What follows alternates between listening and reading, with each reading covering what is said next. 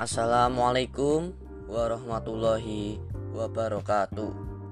Selamat datang di podcast pertama saya. Salam sejahtera bagi kita semua. Semoga kita selalu dalam lindungan yang Maha Kuasa. Sebelumnya, perkenalkan nama saya Ronald Gary Pratama dari kelas 9D nomor urut 27. Pada kesempatan pertama saya kali ini, saya akan membawakan sebuah podcast mengenai perubahan sosial yang terjadi di beberapa bidang yang terjadi selama pandemi berlangsung. Baik, langsung saja saya akan memulai pembahasan topik yang sudah saya sampaikan di awal. Perubahan sosial yang terjadi selama pandemi. Pandemi apa yang dimaksud? Ya, apalagi kalau bukan pandemi COVID-19. Pandemi yang sudah sangat merajalela dan menyerbu manusia di segala penjuru bumi, mengakibatkan perubahan sosial yang begitu amat besar dan begitu signifikan juga, terutama perubahan sosial pada bidang ekonomi.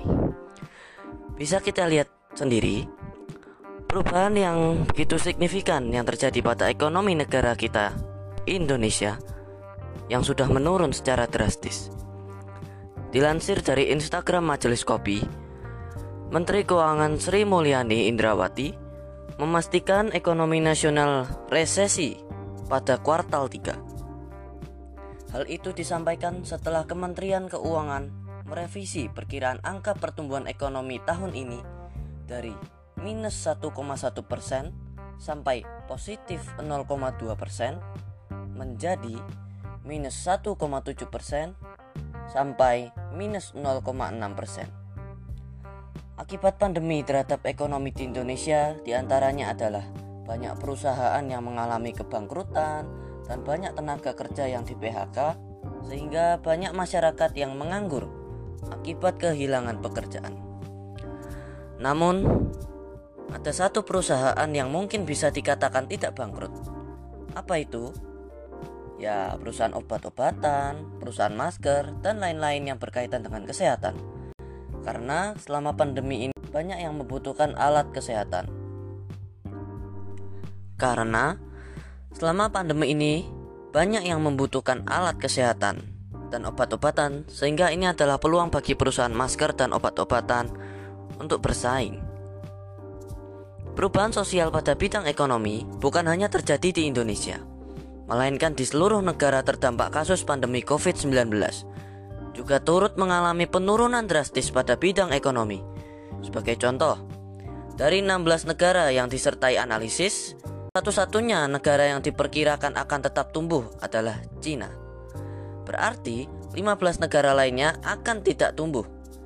Maksudnya tidak tumbuh adalah ekonomi mereka menurun, bukan berarti negara itu tidak bisa berkembang lagi ya. Baik, Perubahan sosial yang terjadi selain perubahan sosial pada bidang ekonomi adalah perubahan sosial pada bidang pendidikan. Sama halnya dengan hal yang saya alami sebagai siswa sekolah menengah pertama di Magelang. Saat ini, seluruh siswa dan siswi, baik itu SD, SMP, maupun SMA, semua jenjang pendidikan wajib melakukan PJJ, yakni pembelajaran jarak jauh. Maknanya, semua melakukan pembelajaran tanpa tatap muka atau yang lebih dikenal dengan pembelajaran daring. Dengan kecanggihan teknologi yang kita punyai saat ini, pembelajaran daring ini yang dulunya dianggap mustahil, sekarang dianggap sangat tidak mustahil untuk dilakukan. Pembelajaran daring ini memanfaatkan beberapa media penunjang seperti Google Classroom, Zoom, Google Formulir, YouTube, Instagram, dan lain-lain. Tentu hal tersebut mengundang pro dan kontra bagi seluruh masyarakat. Oke, selanjutnya adalah bidang kesehatan. Bidang kesehatan juga terkena dampak dari perubahan sosial akibat pandemi. Buktinya adalah dengan adanya kebijakan new normal, maka hampir di setiap perusahaan mengadakan swab test bagi karyawannya untuk mengantisipasi adanya karyawan yang terjangkit COVID-19. Dan sebenarnya masih banyak perubahan sosial yang terjadi akibat pandemi ini. Namun, saya hanya mampu menjelaskan sedikit karena penjelasan yang sebenarnya sangatlah panjang.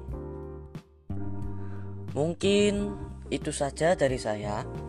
Mohon maaf atas segala dan kekurangan dalam pengucapan. Semoga kita semua sehat selalu. Budayakan menjaga kebersihan dan kesehatan. Semoga pandemi segera berlalu. Amin. Sekian dari saya dan saya ucapkan terima kasih. Wassalamualaikum warahmatullahi wabarakatuh.